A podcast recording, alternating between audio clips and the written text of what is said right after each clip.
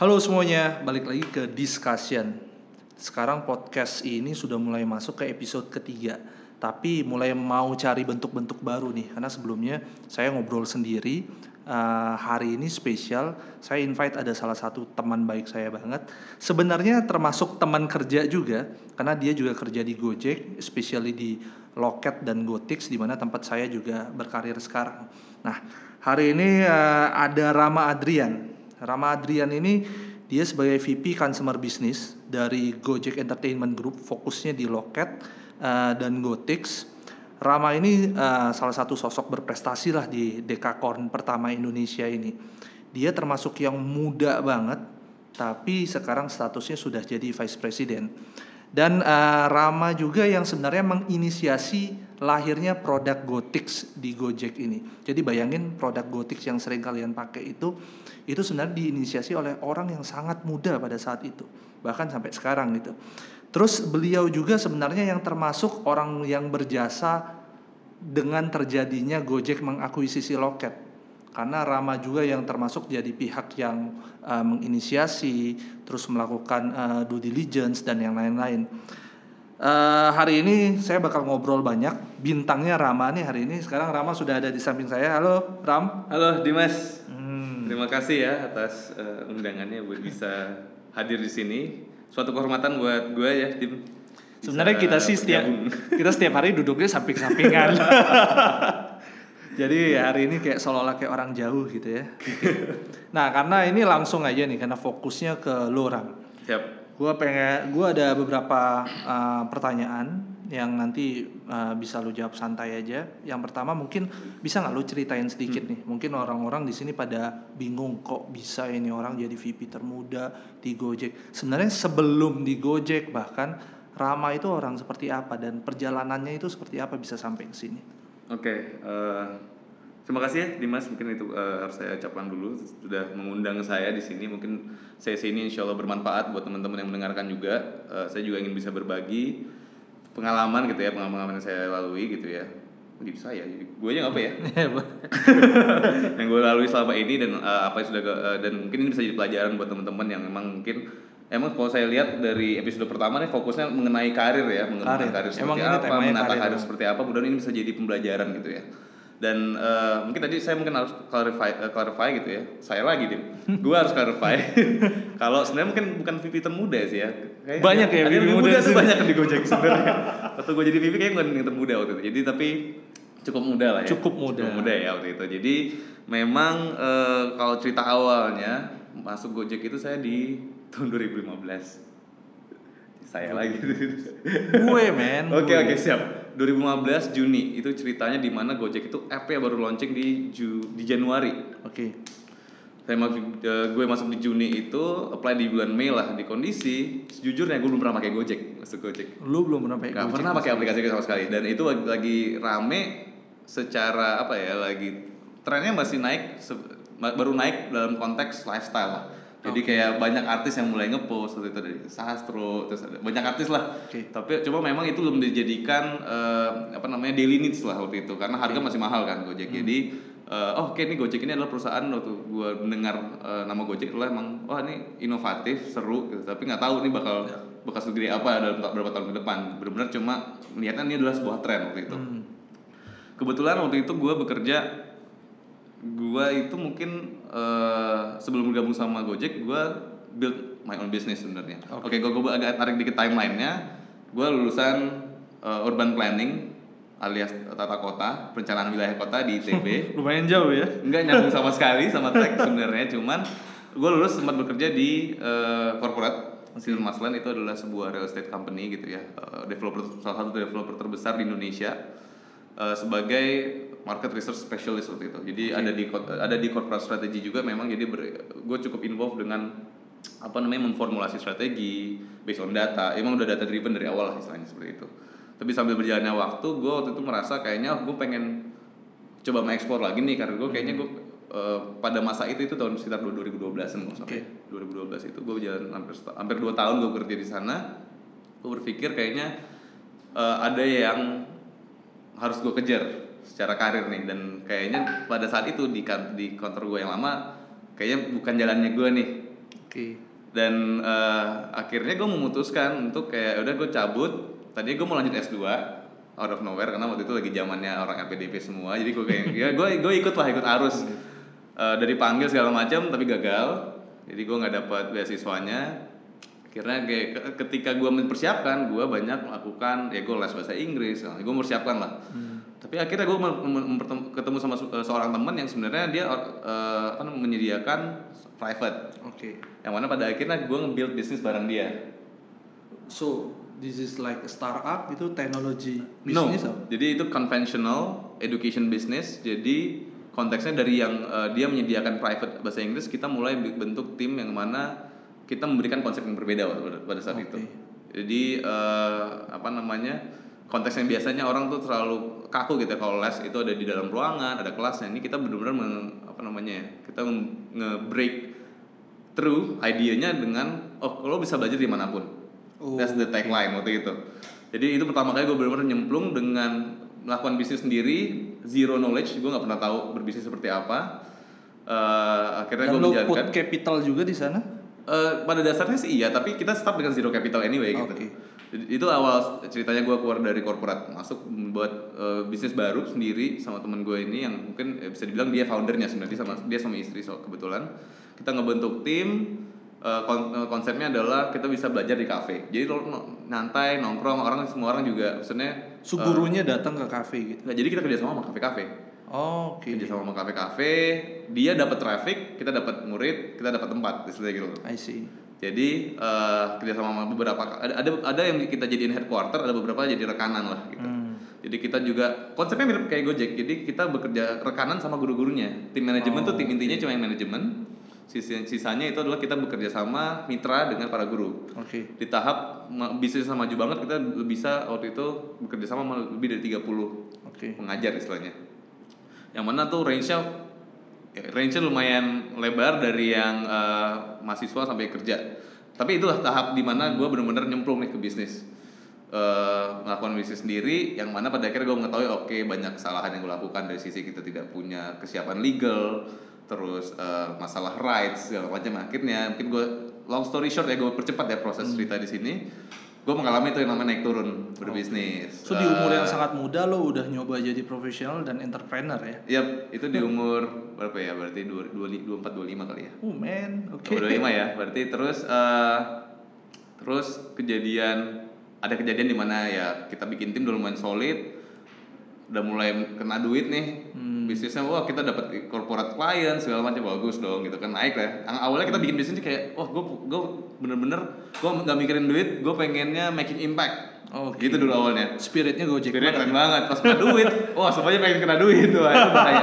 Mulai Jadi, kapitalis. mulai kapitalis, mulai backstabbing dan lain-lain. Oke. Kita nggak punya tadi bilang, gua kita nggak punya kekuatan legal, kita nggak punya apa namanya eh, rights yang Hmm. yang kuat gitu ya. Karena kita punya kurikulum yang gampang diambil orang. Oke. Tengah jalan kita goyang timnya. Akhirnya kita pecah. Ada yang akhirnya keluar yang tadinya ya berbeda inilah mungkin berbeda visi ya mereka bikin bikin sendiri competing sama kita Hmm. kita bikin dari nol lagi sambil jalan akhirnya gue melihat itu di era ya itu mungkin sambil gue jalan sekitar 2 tahunan lah ya di 2015 awal gue ngeliat Gojek sebenarnya sebagai benchmark gue Oh, oh Gojek rame nih apa apa sekarang udah eh, smartphone gitu ya walaupun waktu itu baru baru mulai, mulai, booming ya gue melihat kayaknya oh bisnis yang kita Saat lakukan itu Gojek gitu lagi fokus-fokusnya transport food gitu iya ya. transport doang waktu itu Oh, bahkan transport doang. sama food ya, ya maksudnya waktu itu baru tren transport dengan uh, GoFoodnya waktu itu. Oke. Tapi dulu kan bayar uh, makanan mau di mana pun tuh tiga puluh ribu mahal lah pokoknya dulu. Makanya gue gak pernah nyoba mahal banget gitu. Kere soalnya. Terus ya udah akhirnya dari situ gue melihat bahwa ah, bisnis yang gue jalanin ini kita itu lack of uh, teknologi teknologi knowledge istilahnya gitu. Jadi kayak apa yang kita lakukan tuh terlalu konvensional, semua mouth to mouth. Oke, cuma secara quality bisa kita jaga, tapi ya udah kita nggak bisa growth-nya udah mentok. Sulit untuk scale ya. Tuh, skill nggak mungkin skill bahkan kita bilang. Bahkan nggak mungkin scale. Bahkan di pertengahan perjalanan sebenarnya ada yang approach kita mau invest dan dia emang backgroundnya adalah eh, engineering. Pas kita meeting sama dia, kita nggak ngerti apa yang dia omongin. Oke. Intinya kayak si kitanya udah ketakutan nih, ini orang mau menginvasi ntar kita mau diacak-acak. kita nggak ngambil kesempatan itu sayang banget. Padahal dia udah dapat pendanaan dari Malaysia segala macam dan dia pengen invest di kita. itu kita tolak mentah-mentah dengan bodohnya Guys, pelajaran nomor satu, kalau sampai di era ini kalian nggak ngerti teknologi, bakal banyak banget Iya, opportunities. iya. nah di situlah akhirnya gue melihat oke eh, benchmarknya adalah di Indonesia udah menjadi tren nih harus teknologi itu udah nggak boleh terlewatkan udah jadi bagi, udah jadi paket apa istilahnya eh compulsory istilahnya apa ya mandatory lah buat lo kalau mau build company harus at least ada sentuhan teknologinya apa pun itu gitu ya Setuju. dan eh, apakah itu mensupport dari sisi kalau misalnya lo dagang eh masa kayak lo apa namanya eh, jahit baju gitu ya.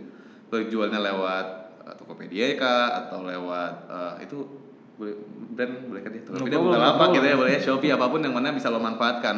Jangan sampai itu terlewatkan karena menurut gua ya teknologi sebenarnya mempermudah semua orang untuk nah dari situ sebenarnya gue melihat bahwa oke gue personally gue pengen belajar. Oke. gue harus belajar dari terserah mau dari posisi mana waktu itu. Eh, mindset gue seperti itu. Yang penting ada kesempatan gue bisa belajar gue akan ambil kesempatan itu. Oh, gara-gara itu lo jadi tertarik untuk cari tempat di mana lo bisa belajar tentang Iya. teknologi Betul. sebagai backbone-nya bisnis ya. nah awalnya sebenarnya gue pengen itu diterapin di bisnis gue yang gue jalanin kemarin Oke. jadi pas kebetulan di bulan Mei Juni itu Gojek lagi membuka waktu itu lumayan unik sih uh, apa hiring atau rekrutmen uh, posternya yang gue dapat itu dari Go Live sebenarnya waktu itu namanya belum Go Live ya Uh, jadi yang muncul itu adalah dicari 10 uh, apa namanya 10 orang gitu ya high achiever istilahnya gitu yang bisa uh, handle mega projectnya Gojek gitu gitu. Oke. dulu judulnya kayak gitu jadi kayak oh ini apa nih gitu kan. Yang yang dapat poster itu juga gue kebetulan dapat dari teman gue yang dapat kenalan dari banyak kayak disebarin memang ke eh, komunitasnya yang YLI itu yang eh, yang leadersnya McKinsey. Hmm. jadi dapat situ gue dapat ah gue iseng aja apply. Pas masuk bener-bener di kondisi nggak tahu ngerjain apa. Karena memang eh job desk waktu itu masih sangat general kita akan nge-build bisnis dari nol lu ngerjain semua di gitu ternyata bener gue masuk gue ngerjain semua Oh, berarti itu memang cikal bakal go-go yang Betul. go yang baru ini ya. Nah, Jadi itu cikal bakalnya uh, start dari Go Live dulu. Jadi gue tergabung sama timnya Go Live. Kebetulan tiga produk yang langsung di, langsung dimajukan waktu itu adalah untuk di- dikerjakan adalah uh, Go Massage, Go Glam, sama Go Clean dan gue fokusnya di Go Massage waktu itu. Sebulan pertama gue oke. masuk. So Rama itu dulu ternyata gue massage dulu ya. Betul. Jadi Ini yang memang baru nih. uh, gue tanya kerjanya apa? Oh ngerjain semua. Jadi hari pertama gue masuk gue langsung suruh jalan. Emang nyari terapis nih. Betul, dari tukang pijit yang mau gabung jadi kayak mitra. Itu enak terus minggu pertama gue dapat reimburse sama refleksi di reimburse itu ya. Minggu kedua badan gue udah biru semua. jadi gue udah nggak udah sebisa mungkin kalau datang ke Tapi tempat. lo nyari tempat pijat yang benar Oh kan? yang bener dong. jadi pijit keluarga soalnya. Oke. Itu pengalaman gue lumayan luar biasa tuh akuisisi talent tuh emang bagian paling paling krusial waktu Tapi itu unik ya, kan. benar-benar Gojek itu nyari talent dari, eh, maksudnya kayak komunitas-komunitas atau dari sumber-sumber yang luar biasa, tapi mereka terjunin ke benar-benar lapangan, Iya. bahkan tuh belusukan ke- akuisisi waduh. terapis-terapisnya langsung gitu ya, Jadi krisis ya. gue mengalami itu lumayan seru ya, capek banget, cuman eh, ya pengalaman sih buat gue. Tapi setelah itu tahap berikutnya adalah jadi akhirnya mulai membagi dua tuh pagi sampai siang gue eh, scouting atau mencari talent gitu ya, bantuin apa namanya tim supply, istilahnya tim ops supply. So, siang sampai sore gue bantuin produk, defining produk seperti apa yang pengen di pro- apa namanya di provide, mulai bikin research. Jadi kayak dua dua alam yang berbeda nih setiap hari gue lalui dan itu cukup uh, Bener-bener menyita end to waktu end dan banget ya. energi men waktu itu waktu, waktu pada masa itu gitu karena kita ngelakuin semua cuman di kondisi Gojek masih tahap awal bisa dibilang nggak ada birokrasi sama sekali men. Hmm. jadi apa pun Tapi, yang lo lakukan tapi nggak ada birokrasi itu sometimes jadi good dan bad juga betul ya. makanya gue harus nih ceritanya adalah ketika itu eh menurut gue ya pelajaran yang kita gue dapat adalah ketika tidak ada birokrasi semua serba cepat tapi apa yang gue lalui selama proses tidak birokrasi itu adalah terlalu banyak eh apa namanya ya, kesalahan-kesalahan yang terulang Iya. kesalahan yang harus tidak terjadi karena tidak ada SOP tidak ada birokrasi nggak ada proses dokumentasi Betul. atau learning dari sana dan gitu gue ya. melihat Gojek itu sangat cepat mengadaptasi bahwa di titik mana oke birokrasi harus diterapin tapi di titik awal apa namanya lonjakan awalnya gitu ya Hmm. first jumpnya istilahnya itu mungkin itu putusan yang benar beresiko sangat ris- risiko tinggi dan lossnya besar cuman kayaknya worth the risk yang diambil oleh petinggi-petinggi Gojek pada saat itu menurut gue worth the result saat, saat ini ya gitu. Nah, gue pengen dengar nih kalau cerita lo tentang Gothic sendiri, lo Nah. bangun Gothic itu gimana itu story? Karena setahu gue Gothic ini agak beda sendiri ya. Betul. Dan please konfirmasi benar nggak dulu Gothic itu katanya dibangunnya harusnya tiketnya tuh diantar oleh eh, Ya. Gojek driver ya. Nah, Gotix itu awalnya sama itu karena eh, jadi kayak pada saat itu pada masa-masa eh ya tahun pertama Gojek punya app ya. Segala macam ide tuh di iterate, dicoba. Oke. Jadi tiba-tiba dari ya, dari big bossnya kita lah, Nadim minta ke eh, Go Live Head waktu itu ada Windy Madara. Ini gitu, gua ada ada project baru nih, eh, tiketing nih, gitu dia. Partner awal tuh nggak siapa? Loket. Jadi ide itu muncul juga dari awal karena kerjasama antara lo apa? Mungkin karena ada eh, apa namanya diskusi yang terjadi antara petingginya Loket Pak Edi dengan petingginya Gojek gitu sama eh, Nadim gitu. Berarti emang Loket sudah Sudah ada bibit-bibit dari awal. juga ya dari awal. nah itu langsung dilempar ke Go Live. Ini ada yang bisa pegang nggak di Go Live? Tapi berarti emang awalnya Gothic itu tiket event, bukan tiket movie. Betul, tiket event. Eh, bahkan spesifik waktu itu. Karena Loket kan megang DWP Hmm. eh, with the Fast kan. Udah dua itu aja yang mau difokusin. Gimana ini Hmm, eh, secara apa namanya eh, jumlah masa yang datang juga besar, secara nama juga besar. Oke. ingin, ingin, ingin dijadikan hype-nya lah waktu itu. Dan pada saat itu langsung dilempar, go live, kondisi go live waktu itu sudah eh, pack banget timnya ngerjain tiga produk soalnya akhirnya satu hari telepon gue Oh, ini salah satu pelajaran harus di, di garis bawahi oleh teman-teman semua yang mendengarkan gitu ya. Tiba-tiba telepon Bram, uh, out of everybody yang sudah ada di sini di Go Live, uh, gue sama Dara waktu itu di Windy telepon pertama mempercayakan lo untuk ngelit this new product and project dia bilang. Hmm. Gimana? Lu tertarik gak? Gue di kondisi gue nggak tahu apa-apa, nggak ngerti apa, harus ngapain. Gitu. Jadi gue bikin produk tuh ngapain sih? Hmm. Uh, terus step by stepnya apa sih? Itu gue benar-benar nggak tahu sama sekali. Di saat yang sama gue langsung bilang yes. iya. Tapi gue nggak tahu Men ngapain. itu benar banget. Iya, boleh. Kalau dari Mau. itu itu juga kejadian juga eh, di hidup gue. Gue tuh biasanya ketemu tantangan yang sulit, gue iya dulu. Yes. Dan setelah gue iya, jadi gue punya beban untuk belajar kan. Betul. Ketimbang kita sino sino sino, pada akhirnya kita terlalu banyak melepas peluang di Sepakat. depan mata. Benar Jadi banget sih itu. dari situ akhirnya gue bilang iya. Hari pertama gue lakukan gue langsung banyak ngobrol sama orang. Gue ngobrol di semua di industri ini industri yang sebenarnya gue cukup tahu tapi gue nggak perlu dalam tahunya. Jadi gue langsung ketemu sama beberapa promotor besar, berapa gue ketemu sama langsung ketemu sama Loket Pak Bagus sama Pak Edi gue ketemu waktu itu karena langsung jadi partner pertama kita kan. Gue pengen tahu secara detail eh, apa namanya bisnis bisnis bisnis landscape-nya seperti apa sih industri ini gitu ya gue pelajarin jadi gue bener-bener dikasih gue gak dikasih orang gue sendiri harus kerjain jadi gue dikasih waktu sekitar satu bulan satu sampai dua bulan concepting Oke. karena gue present konsep gue diokein sama eh, waktu itu sama headnya Go Live akhirnya eh, dapat kebetulan timnya Gojek engineeringnya udah penuh kita dapat di- dikasih eh, outsource waktu itu Hmm. Yang mana outsource itu gue juga nggak ngerti bahasa engineering sama sekali bahasa produk. Karena gue bisa jadi belajar juga. belajar karena gue kira boleh hire PM gue boleh hire tim bisnis segala macam. Pelan pelan tuh satu orang dua orang. Yang sampai sekarang masih ada di tim kita Hmm. mereka gitu ya. Eh, dan dari situ akhirnya gue setiap meeting gue buka Google. Di handphone gue tuh selalu kebuka di bawah meja. Mereka sebut istilah scrum gue googling Biar nggak kelihatan Iya, tolong-tolongan terus ya. bilang, oke ini ada backlog, maksudnya apa? Gue harus, kayak semua istilah tuh gue googling, karena gue pengen bener belajar. Setelah meeting gue kira ngajak ngobrol, eh PM-nya gue tanya satu-satu nih, istilah ini apa sih, apa sih yang harus dilakukan, next step-nya apa, yang mana akhirnya itu menurut gue salah satu poin di mana lo sebagai apa pun gitu ya posisi lo di perusahaan mana pun gitu ya, belajar tuh jangan pernah berhenti menurut gue. Setuju. Tanya itu jangan pernah malu gitu ya. Bahkan bertanya sama kalau misalnya lo di level yang sudah tinggi gitu, bertanya sama eh, staff yang mungkin secara level masih jauh di bawah lo, itu jangan pernah malu, jangan pernah Iya. karena di saat itulah lo bener-bener bisa apa ya wawasan lo kebuka ketika lo ngobrol sama Ya, orang gua lihat sih. at all level lah. Gue lihat lo termasuk leader yang cukup sering tanya pendapat uh, tim lo, which is itu penting banget sih. Kebanyakan leader itu ngedrive berdasarkan intuisi mereka, tapi begitu ada input dari timnya mereka nggak ambil. Mereka anggap timnya itu pure eksekusi itu salah banget. Nah gue ada pertanyaan nih. Eh, terkait eh, lu sudah coba kerja di korporat lu udah kerja sebagai entrepreneur lu udah kerja di startup gitu. Gue pengen lihat fokusnya ke korporat sama startup deh. Bedanya yang mendasar menurut lu apa? Baik yang mendasar adalah eh, pasti awal kalau misalnya di awal gue masuk Gojek dan sebelumnya gue kerja pernah kerja di korporat gitu emang birokrasi itu paling birokrasi ya emang. paling terlihat ya paling kayak oh beda banget nih. Dan eh, meaning ketika gue masuk Gojek dengan birokrasi masih sangat minim ya. Ada sih tapi minim sangat birokrasinya sangat minim gitu ya.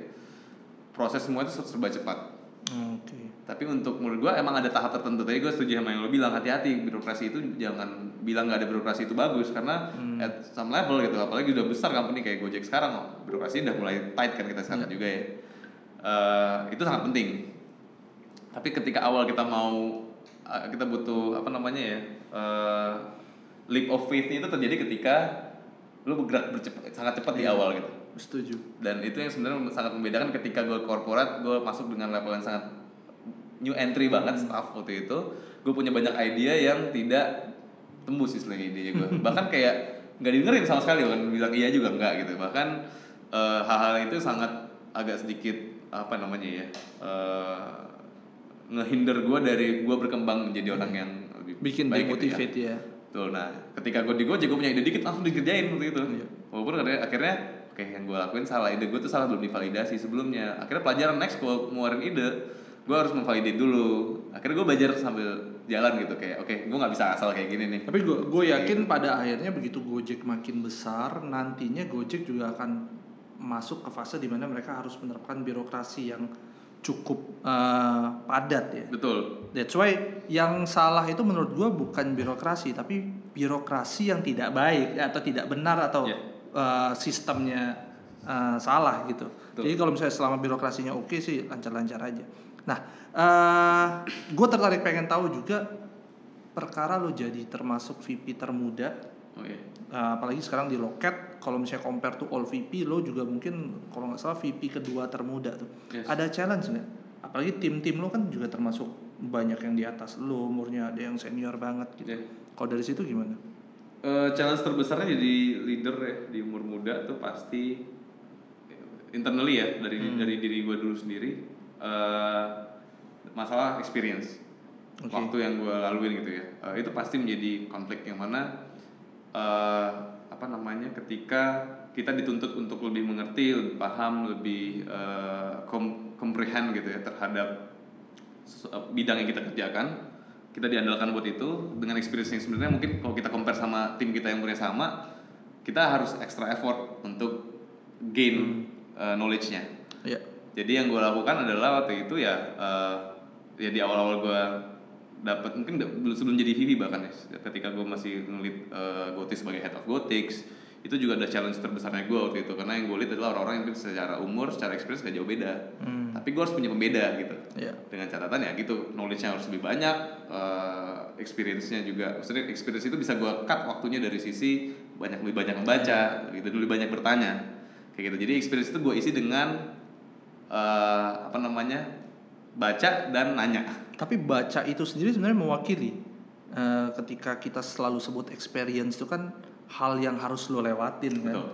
apa yang di buku kebanyakan nggak nggak juga sama-sama di lapangan. Membaca itu mewakili untuk mempersingkat proses belajar itu? Eh, nggak serta merta selalu mewakili sih di menurut gue tapi tetap ada beberapa menurut gue yang gue baca adalah yang mungkin eh, apa namanya konteksnya harus relevan sama apa yang gue jalanin sekarang gitu. Jadi ya banyak membantu gue melewati trial apa namanya trial and error yang harusnya tidak gue lewati gitu ya.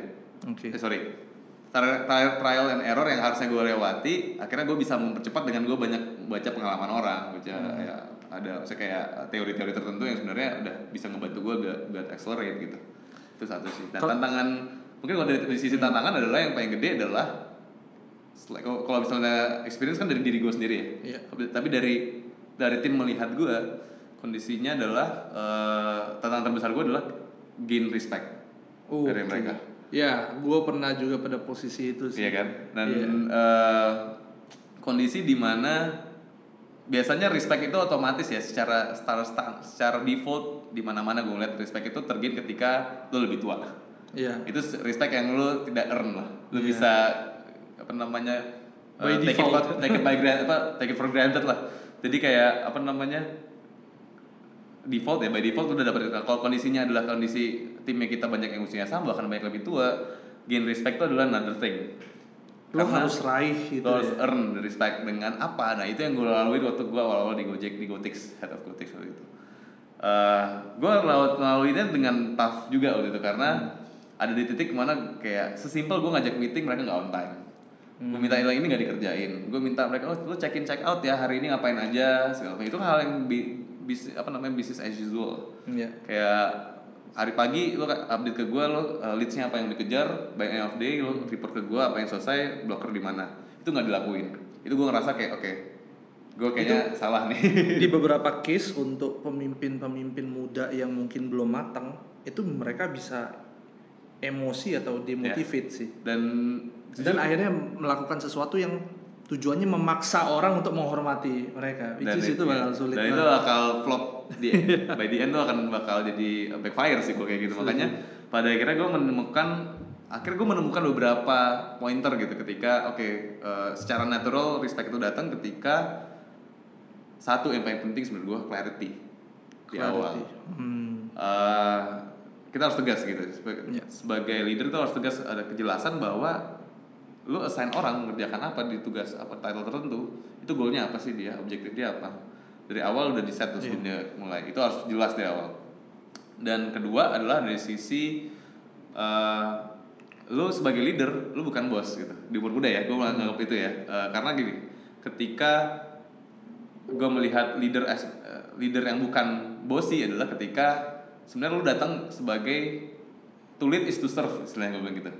Justru lu men-serve mereka bukan mereka yang serve lu jadi gue selalu bilang lu punya target lu punya eh, apa namanya punya job desk ABC lo harus ngejar ABC ini sebagai target lo. Tapi ketika di tengah-tengah jalan ada ken- kendala gue yang akan bantuin lu lu butuh eskalasi dari gue semuanya seperti itu. Lebih kayak gitu. Ya Kayak gue pernah dengar di salah satu eh, leadernya Gojek, leader itu unblockernya. betul.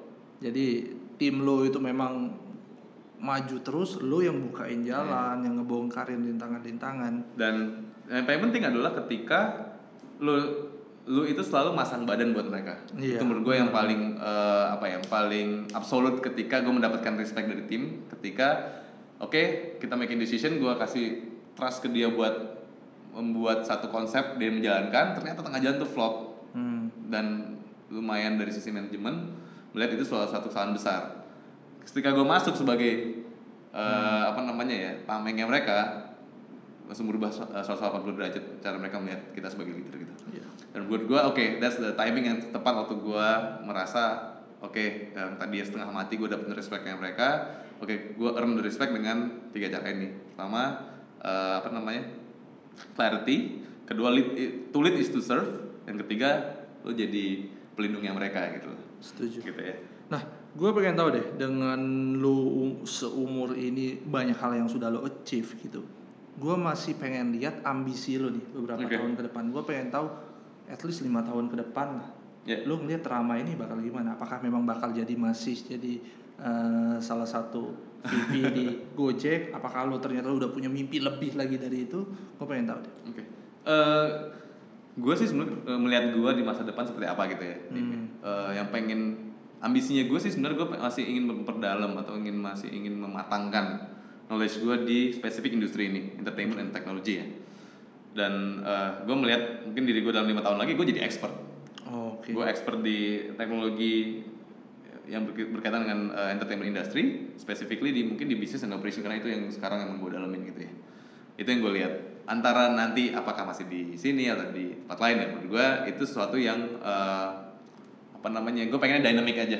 Oke. gitu tapi karena memang ada salah satu mimpi gue yang belum tercapai sampai ini saat ini adalah gue pengen build my own empire man gitu. Oke. tapi menurut gue gue nggak mau buru-buru. Gue pengen gue uh, punya knowledge yang cukup punya pengalaman yang cukup terus punya network yang cukup juga gitu. Itu penting. Jadi Iya. uh, menurut gue timing itu akan akan uh, menyesuaikan ketika emang dari guanya juga udah uh, matang lah. Menurut gue bikin company itu sama kayak nikah prinsipnya bukan di waktu yang cepat Betul. bahkan sama kayak lulus Iya. bukan di waktu yang cepat tapi di- harus di waktu yang tepat gitu Betul. kan Iya.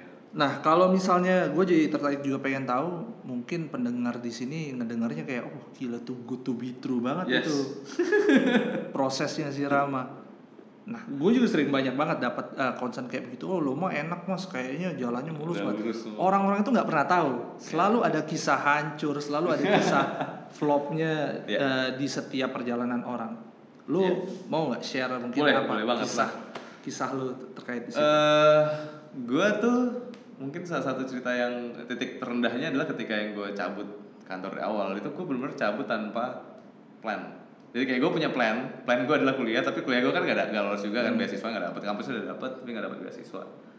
Di kondisi gue nggak tahu mau ke mana, nggak tahu mau kerja apa. Tapi saat itu lo masih sorry nih, lo masih quote unquote menggantungkan hidup masih ada masih ada keluarga yang membackup gitu-gitu. Eh masih masih dibantu. Oh. Jadi kalau misalnya kondisi kritis banget ya gue ya tolong gitu.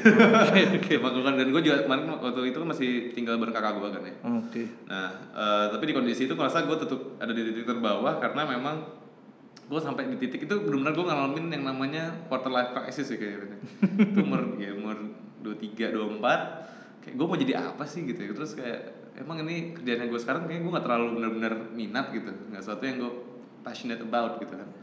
Dan eh apa ya gue harus ngapain ya itu Hmm. bener gue bingung gue ngapain sampai gue pernah berpikir kayak apa gue udah apa namanya eh, packing gue naik bus randomly ke mana gitu ya ke daerah Jawa mana gue udah gue jadi pengen eh, apa jadi jadi Mencari arti masjid hidup. gitu ya. belajar agama full tapi udah gue gak usah kerja gitu terus habis pengajian gue pikir kayak gue ada keluarga yang harus gue ini juga gitu jadi kayaknya oke ja- apa namanya belajar agama juga tetap bisa jalan kok gitu Nggak harus yang gue merantau ke daerah mana gitu nggak harus kayak gitu. Tapi ya itu titik terendah di mana gue ngerasa kayak gue clueless nggak tahu mau ke mana. Yang pada akhirnya gue naiknya pelan-pelan sih. Maksudnya kayak oke gue belajar eh, melihat potensi oh gue kayak mau belajar bisnis gue udah gak usah mikirin duit dulu deh. Yang penting gue bisa eh, apa namanya mengasah kemampuan gue terus gue juga bisa memberikan impact waktu itu kayak gitu ya. Terus akhirnya makin berkembang ternyata gue dapet kesempatan bisa apply di Gojek wah makin berkembang lagi seperti itu So titik terendah lo itu bukan ketika misalnya kayak kalau orang lain tuh ada yang ditipu atau konflik di kantor, tapi justru mencari jadi diri jati diri ya atau mencari uh, langkah mana yang sebenarnya lo Oh, rasa sebenarnya sesuai. tadi di cerita itu juga ada beberapa titik rendah lagi kan waktu gue menjalankan yang eh, bisnis yang eh, education bahasa Inggris Oh, itu, iya, benar. gue kena tipu. Hmm. Nah, terus ketika gue di titik rendah di kalau mungkin masuk Gojek lebih ke arah pressure sih.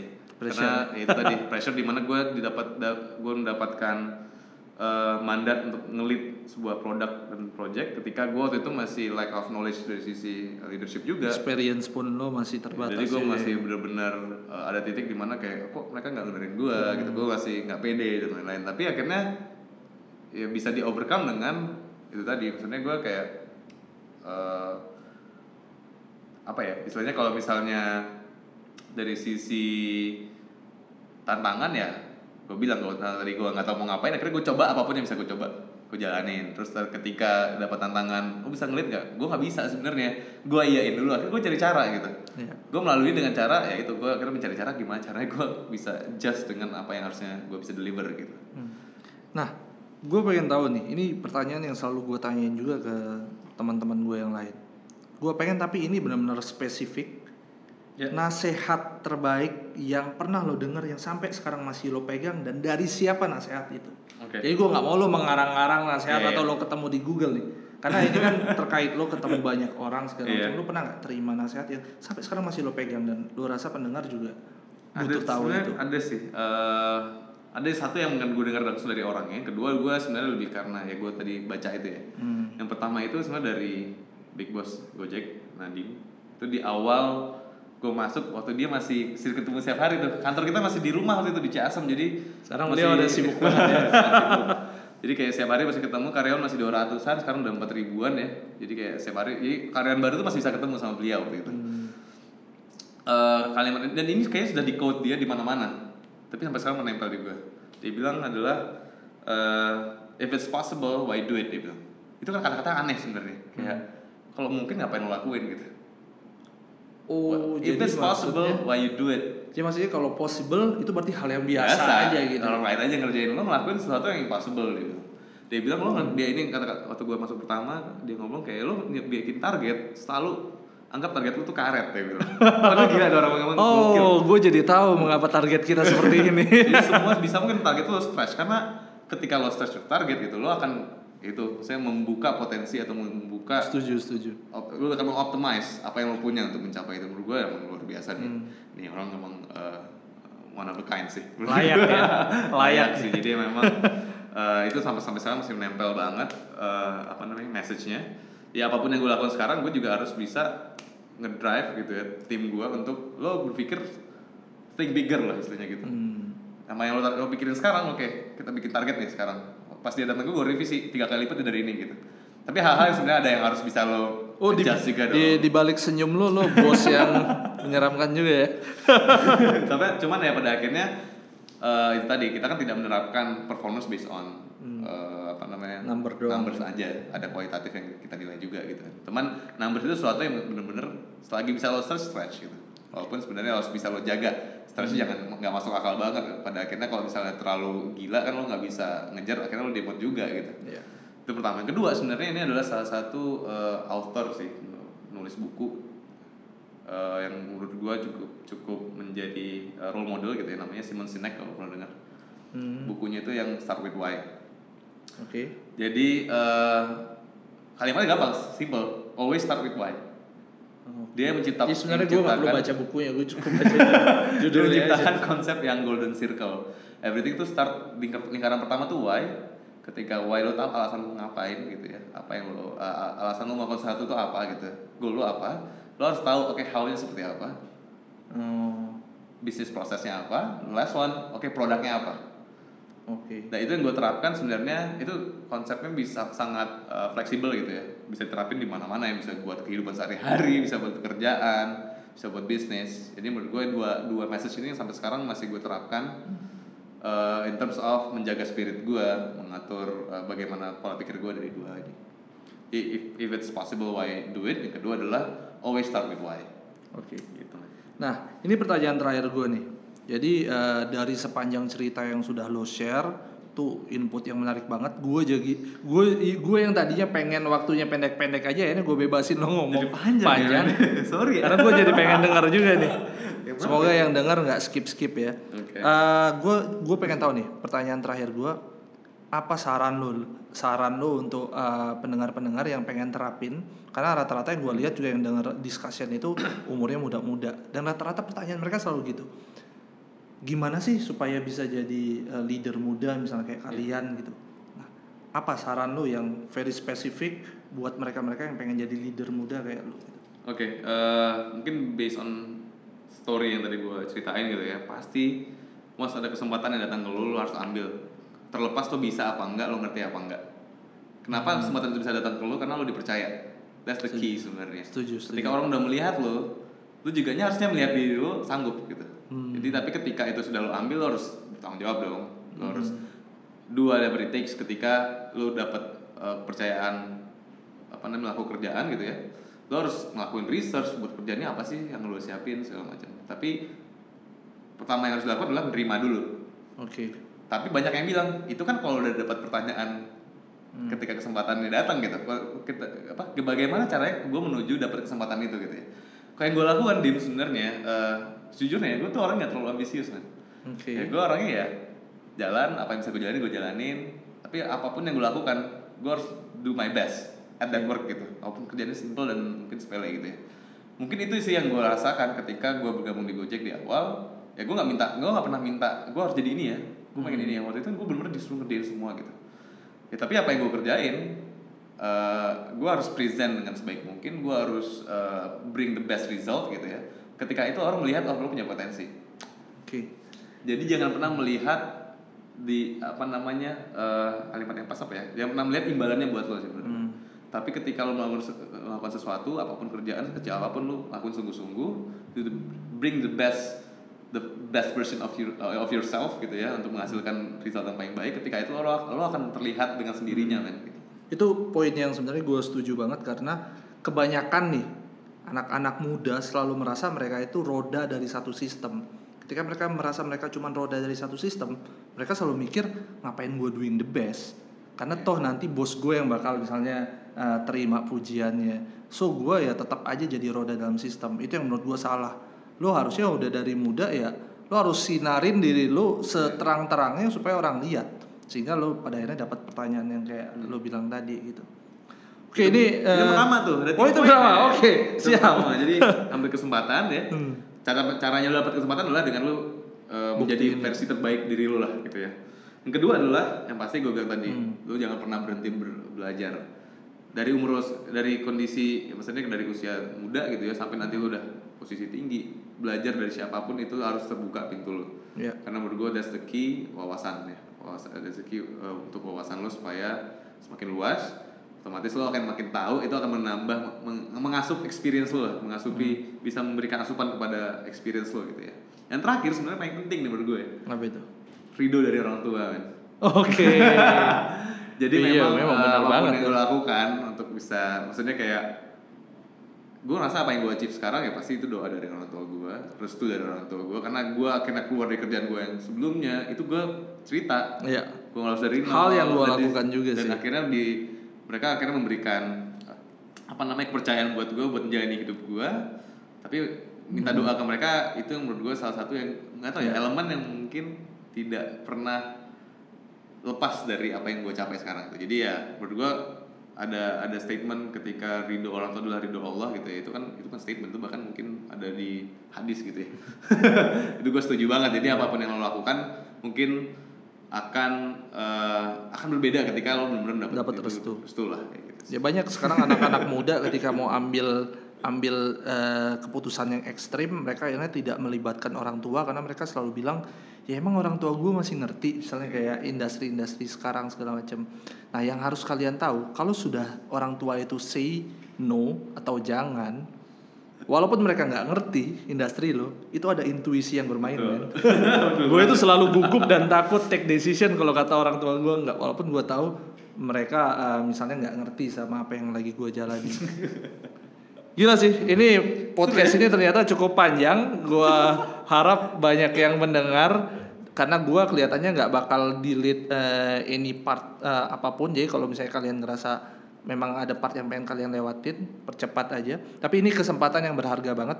Gue jadi belajar sama sang VP muda ini. Eh, banyak hal yang gue sering sharing sama Rama, tapi ternyata nggak itu baru kulitnya. Gue jadi tahu banyak hal hari ini. So kalian yang pengen tahu banyak tentang Rama, cek aja di Instagram Rama itu ada @rama_adrian.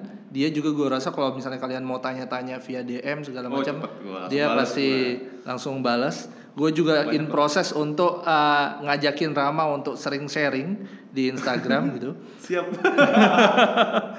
Dan uh, ya ini kesempatan yang oke banget. Next nextnya gue bakal banyak ngobrol juga sama uh, profesionalis profesionalis yang lain yang mungkin punya cerita menarik di hidup mereka, karir mereka.